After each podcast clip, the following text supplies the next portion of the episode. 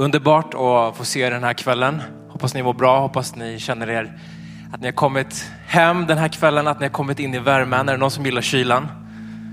Ingen. Det, det är ingen bra öppningsfråga till predikan. Men det här är en plats i alla fall där Gud vill möta dig den här kvällen.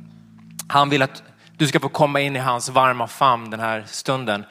Och eh, det var inte självklart att jag skulle predika ikväll faktiskt. Jag har faktiskt varit sjuk. Jag har varit hemma i tre dagar med sjuka barn. Och igår så tänkte jag så här, ska jag tillfråga någon annan och ta den här kvällen? Men jag känner nej, jag tänker inte lägga mig på grund av lite sjukdom. Utan jag känner att Gud har lagt ett ord på mitt hjärta den här kvällen och jag tror det är ett specifikt ord till dig. Och när jag ska förbereda mig för att tala så här i kyrkan eller predika så gillar jag inte att sitta med en bit papper och, eller word-dokument och skriva ner. Jag känner att det där pappret brukar alltid begränsa mig. Är det någon som kan känna igen sig? Det känns som en liten box och så ska man få in allt man vill. Jag brukar ofta göra tankekartor. Jag brukar måla ut och allting för en liten tanke föder en ny tanke och, så brukar jag skapa mina predikningar. Men processen för den här predikan den här kvällen har inte varit sån. Utan den har varit mycket enklare än vad den brukar vara. Jag, och jag känner jag har bara en sak jag vill tala till dig om den här kvällen och det är Jesus. Eh, jag brukar alltid tala om Jesus men det brukar alltid finnas mycket runt omkring. Men den här kvällen så vill jag tala till dig om Jesus. Är det någon som eh, är glad för det? Amen.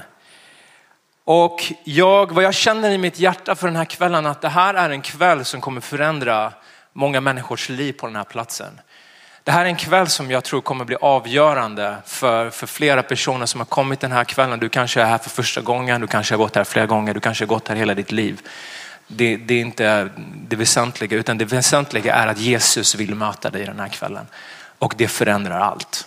Det förändrar våra liv, det förändrar våra hjärtan, det förändrar vår verklighet som vi lever i. Och du kan ha kommit den här kvällen från olika bakgrunder eller situationer eller händelser. Det spelar ingen roll den här kvällen. Jesus vill möta dig oavsett vem du är, oavsett vart du kommer ifrån och oavsett hur du ser ut eller vem du är i din personlighet. Så att jag, jag kommer vara ganska rak och uppriktig med dig den här kvällen. Jag har ett mål med den här predikan och det är att, att du ska ta emot Jesus den här kvällen om du är här. Att du ska få möta hans kärlek och du kommer få möjlighet till det i slutet av den här predikan. Där jag kommer ge en fråga till varje person här inne som, som vill ta emot Jesus i sitt liv. För att jag är övertygad om att han vill möta dig. Så titeln på min predikan den här kvällen är fem anledningar till att tro på Jesus. Fem anledningar till att tro på Jesus. Det finns egentligen miljoner, men jag har plockat ut fem av dem här. Okay? Så att eh, det finns som sagt väldigt, väldigt många anledningar till att tro på Jesus. Men jag bryter ner det här ikväll för vi skulle inte ha tid att gå igenom alla anledningar.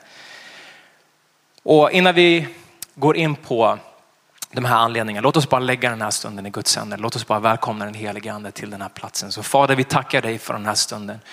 Vi välkomnar dig helige ande till den här platsen. Jag tackar dig för varje person som har kommit till den här, till den här platsen. Att du vet precis vilka de är. Och du har sett dem Gud.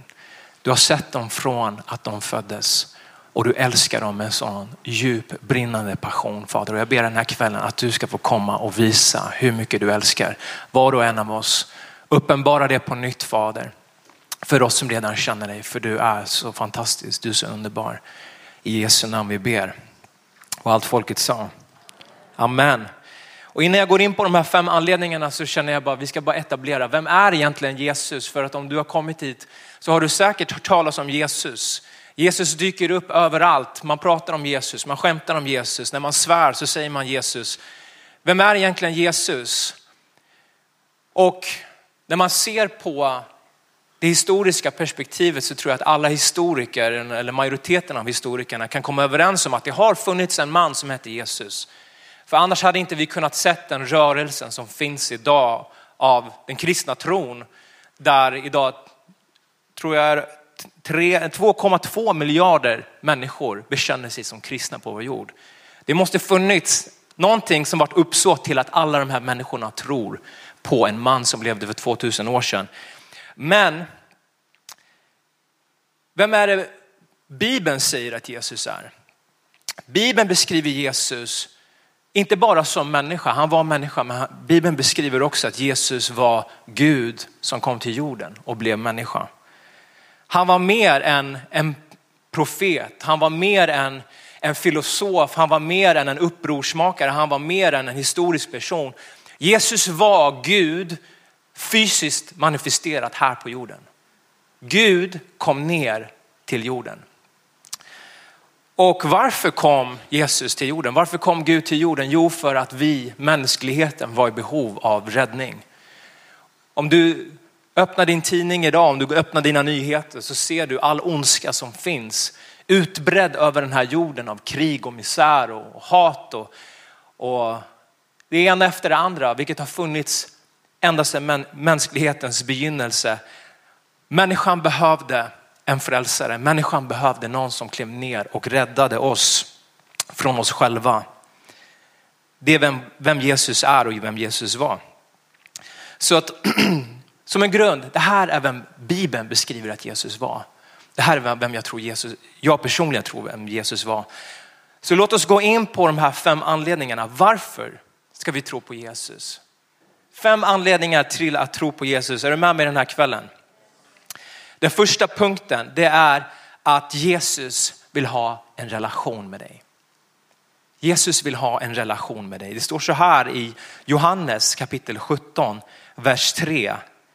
Detta är evigt liv, att de känner dig, den enda sanne guden och den som du har sänt, Jesus Kristus. Amen. Jesus vill ha en relation med dig och det kanske känns, hur är det här möjligt? Ska Jesus komma hem till mig och dricka kaffe? Ska Jesus knacka på min dörr? Jag ska förklara för dig. Innan jag gör det så, så vill jag bara lyfta ett perspektiv och en, en anledning till varför vi många gånger kommer till kyrkan är för att vi, vi känner skuld.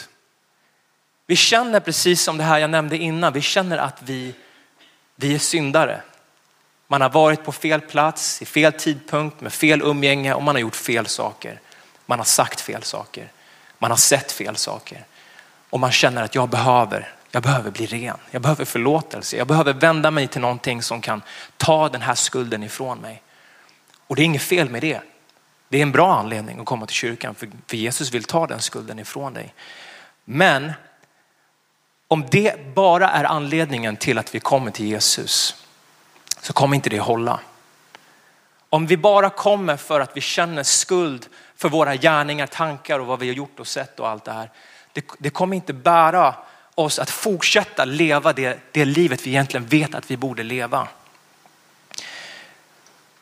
Och jag ska förklara det på det sättet att Jesus vill inte att du ska komma bara för att din skuld ska tas ifrån dig, utan han vill komma för att du ska få möta hans kärlek. Att du ska få möta hur mycket han älskar dig, hur dyrbar du är i hans ögon. Och jag ska ge dig ett exempel på vad jag menar för att om man tar till exempel, man pratar om religion ofta. Och religion kan vara någonting som man ser som lagar och regler och förhållningssätt. Om man tror att man bara kan komma till Gud genom att man håller de här reglerna och försöker hela tiden förbättra sig genom sin egen kraft, det kommer, det kommer inte hålla. Det som gör att du kommer vilja vara kvar i Jesus, det som kommer göra att du vill hela tiden sträcka dig till honom, det är att du har en personlig relation med honom. Jag ska förklara det ytterligare, det är att om du är gift, jag är gift med en fantastisk fru. Och det du kan se religionen som, så är det precis som äktenskapet. Äktenskapet, vad ger det ett, ett par som har gift sig? Jo, det ger förhållningsregler, eller hur? När du gifter dig, det är dels ett juridiskt bindande eh, mellan två parter. Men det innebär också i äktenskapet att du behöver, vad äktenskapet säger är att du behöver vara trofast till den du gifter dig med.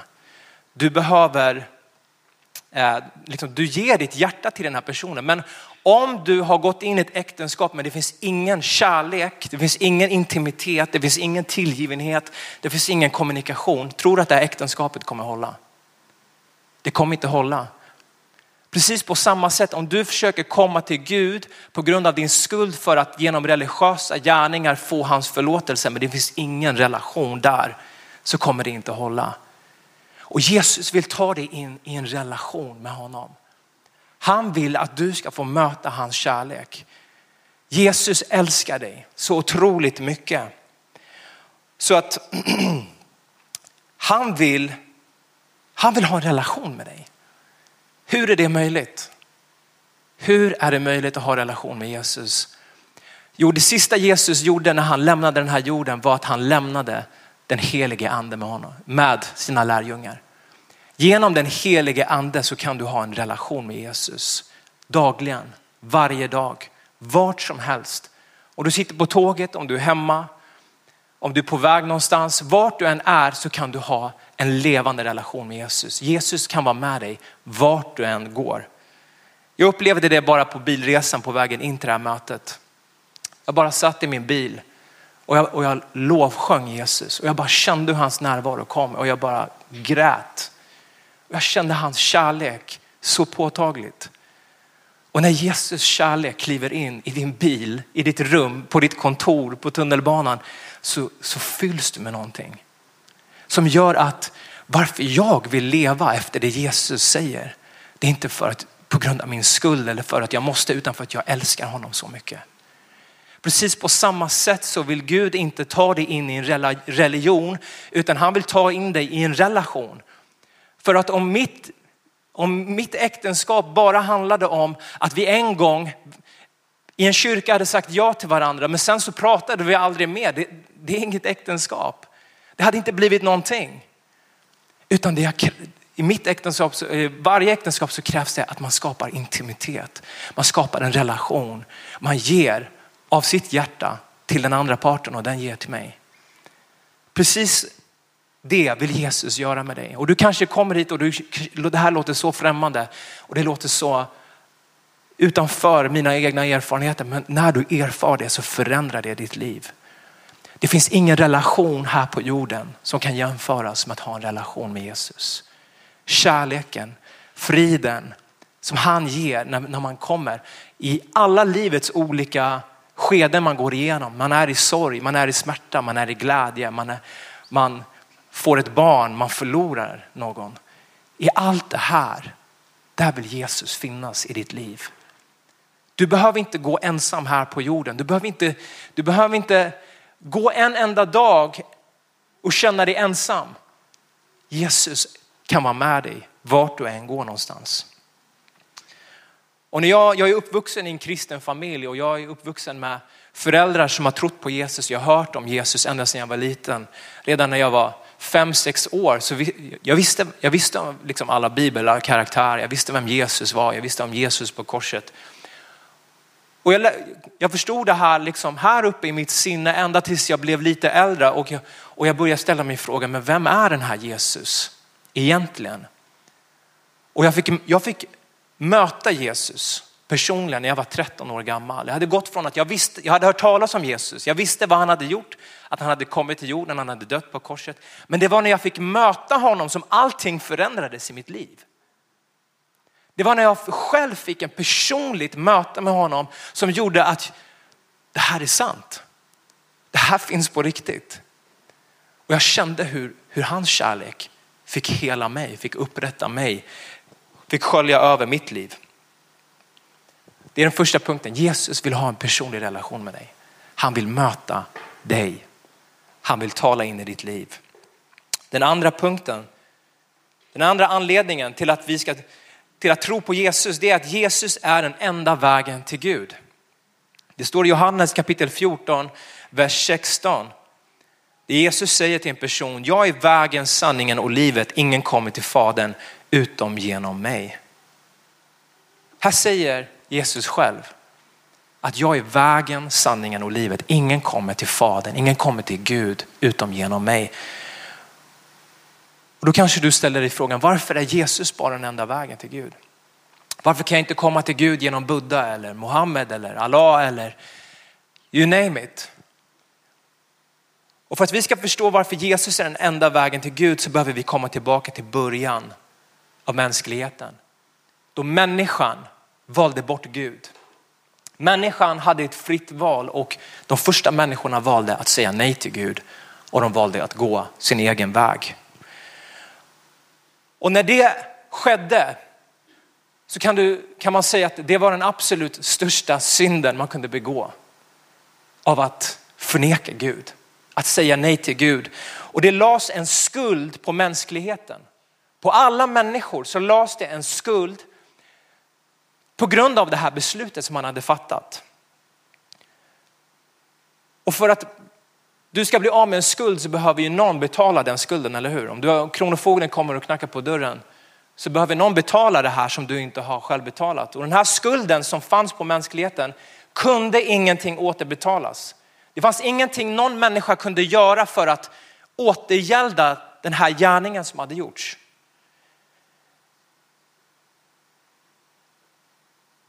Och varför gick det inte att göra det för? Jo, för att en människas själ är så otroligt dyr.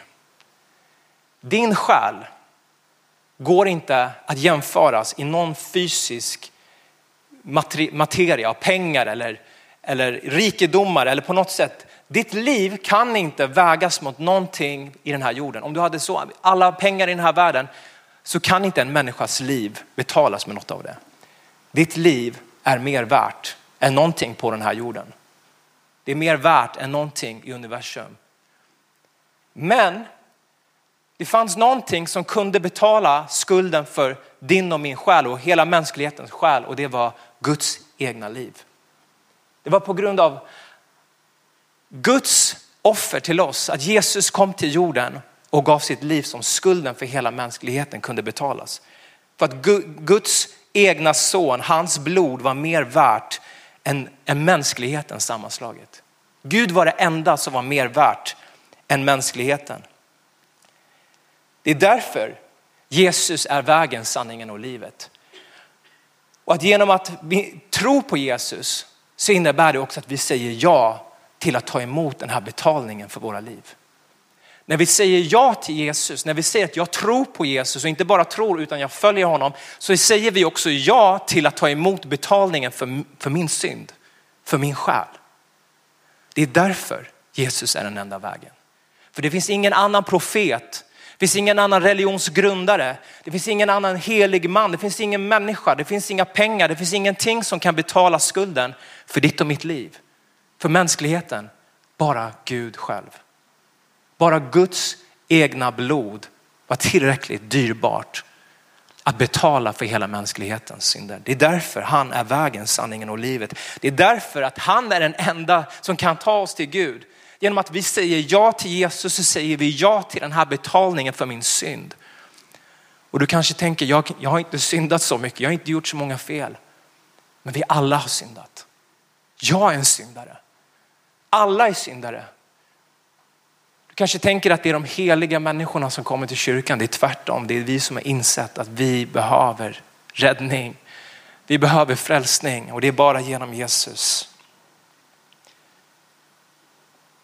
Och jag vill, jag vill, vara, jag vill vara rak med dig den här kvällen och jag vill också lyfta någonting som vi inte pratar så mycket, alltid så mycket om i kyrkan överlag, i, i den globala kyrkan. Och det är att det finns, det finns en himmel och det finns ett helvete. Det finns en plats reserverad för de som väljer att säga ja till Jesus. Och det, Guds ord talar om att det är himlen, det är platsen där alla de som säger ja till Jesus en dag kommer komma. Men det finns också en plats, en, en fruktansvärd, hemsk plats som heter helvetet. Och det var en plats som aldrig var ämnad för människor överhuvudtaget, utan det var ämnat för några helt andra. För djävulen, för alla änglar som var fallna. Men det är också en, en, en verklig plats som vi behöver förstå existerar och finns. Och jag vet att det kan kännas lite obekvämt att höra om det. Men det står i Romarbrevet kapitel 2, vers 6 8 att han ska löna var och en efter hans gärningar. Evigt liv åt dem som uthålligt gör det goda och söker härlighet, ära och odödlighet. Men vrede och straff åt dem som söker sitt eget och inte följer sanningen utan orättfärdigheten. Guds vilja är inte att en enda person ska gå till den platsen. Guds vilja är att varje person ska få lära känna honom, ska få lära känna hans kärlek. Men det är också så viktigt att vi, att vi som kyrka talar om den här verkligheten. Att vi lever här på jorden en kort tid. Men utanför den här tidsperioden vi lever här på jorden så finns en evighet som väntar. Och Guds ord talar om att välja liv eller död. När du väljer Jesus så väljer du livet. Men när du väljer att välja bort Jesus så finns det inget annat alternativ än att välja döden. Och den här dagen så talar jag om det här, inte för att skrämma någon, utan jag talar om det här för att jag vill att varje person på, på den här planeten ska ta emot Jesus. Ska få höra om att han, han vill ha en relation med dig. Han vill att du ska få gå in till den eviga, fantastiska platsen som han har förberett för alla de som väljer honom. För det som kommer hålla i slutet av våra liv, det är inte vad du har uppnått i din egen kraft, det är inte vilka utbildningar, det är inte att du har lyckats som kommer vara det som kommer ta dig vidare in i evigheten. Framgång det är inte att bli självförverkligad, att bli en kändis eller att få ett visst mått av pengar på kontot utan framgång det är att lära känna Jesus. För den dagen vi står inför Jesus, för du och jag vi kommer stå inför honom en dag. Så kommer allt det där som vi trodde hade ett värde brinna upp. Och det enda som kommer ha ett värde det var att vi tog emot Jesus. Tog emot den här betalningen för vår själ. Den tredje anledningen till att tro på Jesus, det är att Jesus accepterade dig innan du accepterade honom. Romarbrevet kapitel 5, vers 8 säger, men Gud bevisar sin kärlek till oss genom att Kristus dog i vårt ställe medan vi ännu var syndare. Fantastiskt ord. Gud bevisar sin kärlek till oss genom att Kristus dog i vårt ställe medan vi ännu var syndare. Tänk att Jesus kom till jorden och han gav sitt liv för dig och mig innan vi ens hade gett vår respons till honom. Det betyder att oavsett vart du kommer ifrån, oavsett vad du har gjort eller vad, vilken bakgrund du har eller vad, vad du än kan ha gått igenom i ditt liv så, så vill Jesus ta emot dig. Han tar emot dig med öppna armar. Det finns ingenting du har gjort som kan skilja dig från hans kärlek. Hans kärlek står öppet, vitt och brett för dig den här dagen. Och det som skiljer tron på Jesus från alla andra religioner, det är att Gud kom ner till oss. Alla andra religioner kräver att man ska ta steg för att själv rättfärdiggöra sig för att till slut kanske nå nirvana eller nå paradiset eller nå platsen där man blir accepterad av Gud. Men Gud kom ner till oss innan vi ens hade tagit ett steg närmare honom. Han närmade sig dig innan du närmade dig honom. Han har, gett, han har accepterat dig för den du är, men han vill ta dig in i hans kärlek och han vill förvandla dig i sin kärlek. Han vill förnya ditt liv.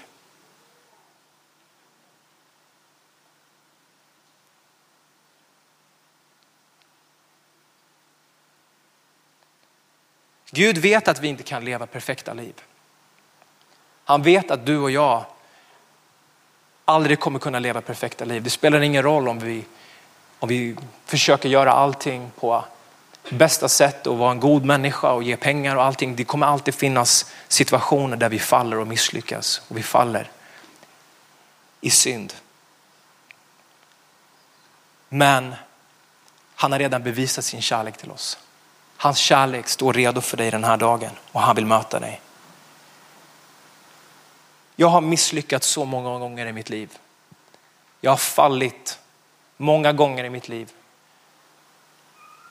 Men varenda gång jag har kommit till Jesus, jag har vänt mig till honom så har han rest mig upp på nytt. Han har torkat mina tårar, han har tvättat mina sår, han har förlåtit mig med sin nåd och den här dagen han vill resa upp dig med sin nåd. Han älskar dig så otroligt mycket. Den fjärde och näst sista anledningen till att vi ska tro på Jesus det är att Jesus vill hela och upprätta dig. Det står i Jesaja kapitel 53 vers 5 att han var genomborrad för våra överträdelsers skull slagen för våra missgärningars skull. Straffet var lagt på honom för att vi skulle få frid och genom hans sår är vi helade. Jag vet inte vad du har gått igenom, men i hela mitt liv och i mitt egna liv så har jag sett så många människor som har blivit fullständigt helade från alla former av sjukdomar, fysiska, psykiska, från själsliga sår, från barndomsminnen, från familjerelationer som har varit fullständigt trasiga. Jag har sett människor när de kommer till Jesus att han upprättar vad som helst. Han kan förnya vad som helst. Och jag vill tala till dig den här dagen. Du kanske har kommit hit och du känner dig fullständigt nedbruten. Du kanske har blivit våldtagen, du kanske har blivit utnyttjad, du kanske har blivit förkastad hela ditt liv. Det finns ingenting som Gud inte kan hela i ditt liv. Och han vill hela dig. Hans vilja för dig är att göra dig hel, är att upprätta dig från varje sår, från varje minne, från allting som du har gått igenom. Och jag vet att, att vissa saker som vi har gått igenom i våra liv, du kanske inte hade en pappa. Och du kanske känner, hur skulle jag kunna få tillbaka den tiden? Hur skulle jag kunna få tillbaka den relationen? Det vi behöver förstå är att Gud, han har förberett en evighet med dig. Han vill vara din pappa in i himlen och in i all evighet. Vi behöver förstå att det finns någonting bakom det här livet vi lever. Det finns någonting längre fram som väntar och Gud, den största gåvan han vill ge dig det är frälsningen. Att få kliva in i evigheten tillsammans med honom. Han vill hela dig, han vill upprätta dig. Många känner till min historia, min resa som jag gjort och min familjs resa och för 12 år sedan så förlorade jag min syster. Och hon dog väldigt, väldigt drastiskt. Hon var 25 år gammal. Hon led av epilepsi och jag hittade henne uppe i en lägenhet här uppe i, i lägenhetskomplexet som finns. Jag hittade henne i badrummet. Jag drog ut henne i badrummet. Jag försökte få liv i henne. Men hon dog där i mina armar. Och vi gick igenom den mest tragiska tiden man kan gå igenom. Du kanske gått igenom liknande situationer. Du kanske har förlorat massor med människor. Du kanske har sett vänner dö i dina armar. Du kanske har vänner som har blivit skjutna. Och du vet att smärtan, traumat av att gå igenom något sånt där kan ära för ens liv. Men, men jag kan säga att Gud helade mitt hjärta. Han helade mitt hjärta. Han helade mina sår. Idag så känner jag ingen sorg. Det enda jag känner är saknad efter min syster. Och jag står här som ett levande bevis på att Gud kan hela varje sår i ditt liv. Den femte och den sista anledningen till att vi ska tro på Jesus, det är att Jesus vill ge dig frid. Romarbrevet kapitel 5, vers 1 säger, då vi alltså har förklarats rättfärdiga av tro har vi frid med Gud genom vår Herre Jesus Kristus. Du kanske har kommit hit den här kvällen med ångest, med depression, med mörker, med självmordstankar. Gud vill lyfta det från ditt sinne den här kvällen. Han kan befria dig fullständigt från allt mörker som vill dominera ditt sinne. Och du kanske tänker så här, är det här möjligt? Kan Gud göra det här? Han kan göra det. Han kan göra det. Jag har sett så många människor som har kommit från så fruktansvärda situationer så att Gud lyfter mörkret över deras liv och de blir de mest gladaste personerna man kan tänka sig. Gud har befriat mig från saker som har hållit mig bunden. Och om du har varit bunden av någonting, av någonting som gör att du, känner jag, jag vill inte göra det här men jag kan inte sluta. Det är att vara bunden av någonting. Gud befriade mig från, från flera saker som vi har bundna i mina tankar, i mitt hjärta, i mitt sinne. Gud kan befria dig från precis vad som helst. Det fanns saker i mitt liv, jag visste inte hur ska jag bli fri från det. Jag vill inte hålla på med det här men jag gör det ändå. Och jag blev desperat, jag ropade till Gud och Gud, det var ett mirakel, tog allt det här som jag, jag var bunden ifrån. Är du bunden här idag av mörker, av tankar, av ångest, Gud kan befria dig fullständigt. Jag är här den här kvällen för att säga att det finns en plats av en sån frihet i Jesus. Det finns en sån plats av frihet och glädje och frid. Gud vill ge dig frid. Jesus vill ge dig frid. Så vi ska börja gå mot avslutning den här kvällen.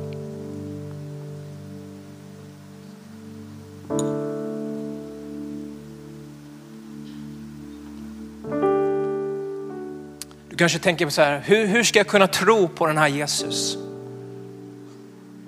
Och hur kan du vara så självsäker på det du säger den här kvällen? Jag skulle inte stå här om inte jag var övertygad på det jag pratar om. Jag skulle inte stå här för att försöka övertala in dig i någonting som inte jag har en full övertygelse på. Varför jag talar om Jesus, varför Jesus är värd att tro på. Det är för att du, det är, jag, det är för att jag har prövat honom. Jag har prövat om det här är sant. Jag har prövat om, om han kan ge mig frid. Jag har prövat om han kan hela mig. Jag har prövat mig om han kan acceptera mig för den jag är. Jag har prövat alla de här sakerna och jag har sett att han har varit trofast i allt det här. Och det är just det som är nyckeln, att tro på Jesus. Men det finns två sidor av tro. Det ena är att, att dels tro på att Jesus är den han säger att han är. Men det andra är, för att du ska kunna tro så behöver du också pröva det. Men för att kunna pröva det så behöver du också tro på det. Jag säger det en gång till för att, för att kunna ta emot Jesus så behöver du tro på honom. Men för att kunna tro, det är precis som att du ska ta ett steg ut på vattnet och du tror på att jag kommer kunna ta det här steget och det kommer hålla. Men det är inte förrän du prövar att ta steget som du vet om, om det stämmer, eller hur? Och precis på samma sätt, om du är här den här kvällen och du, och, och du har så svårt att ta emot det här, du måste välja att tro och samtidigt pröva det. Och du behöver också inte bara pröva det utan tro på det. Att Jesus om du finns den här kvällen så säger jag att jag tror på dig. Om du är den du säger att du är så tror jag på dig. Om du vill ge mig allt det här som han har stått och talat om, då tror jag på dig och jag ska pröva dig.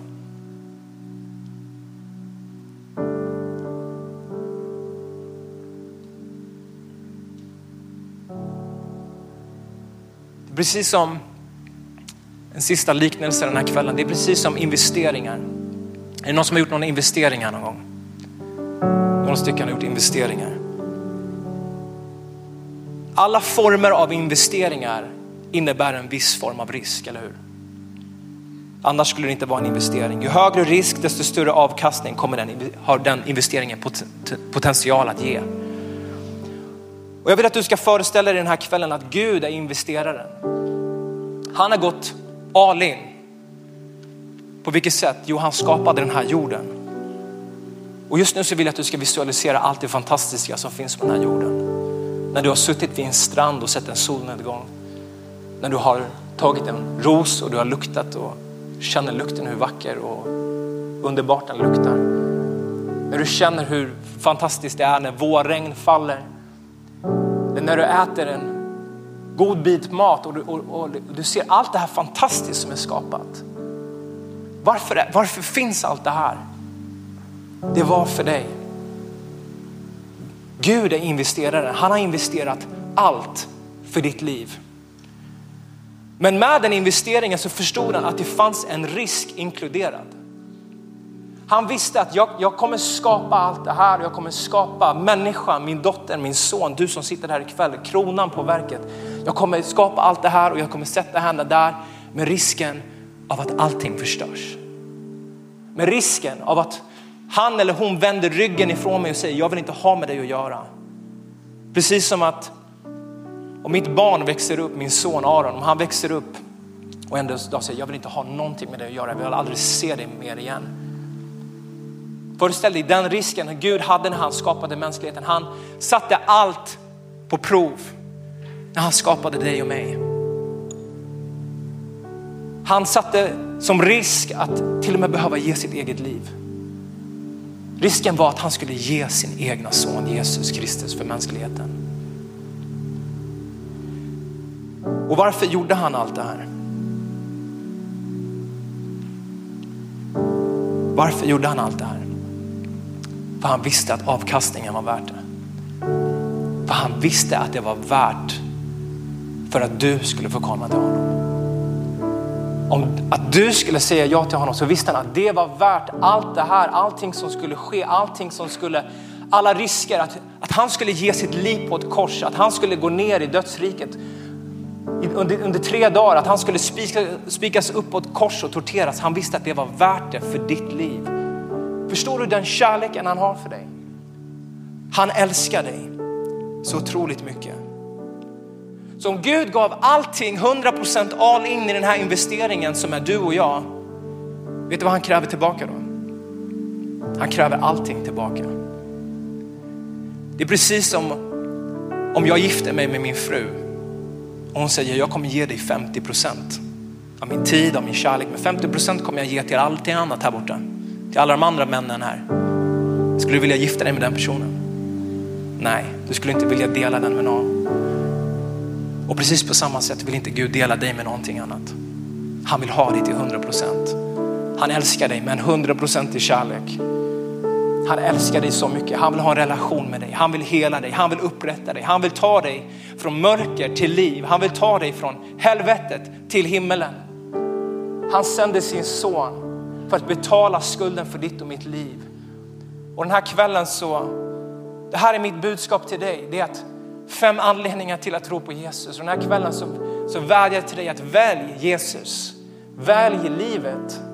Välj honom. Våga tro och våga pröva. Ta steget. Vi kan bara stå upp tillsammans den här kvällen.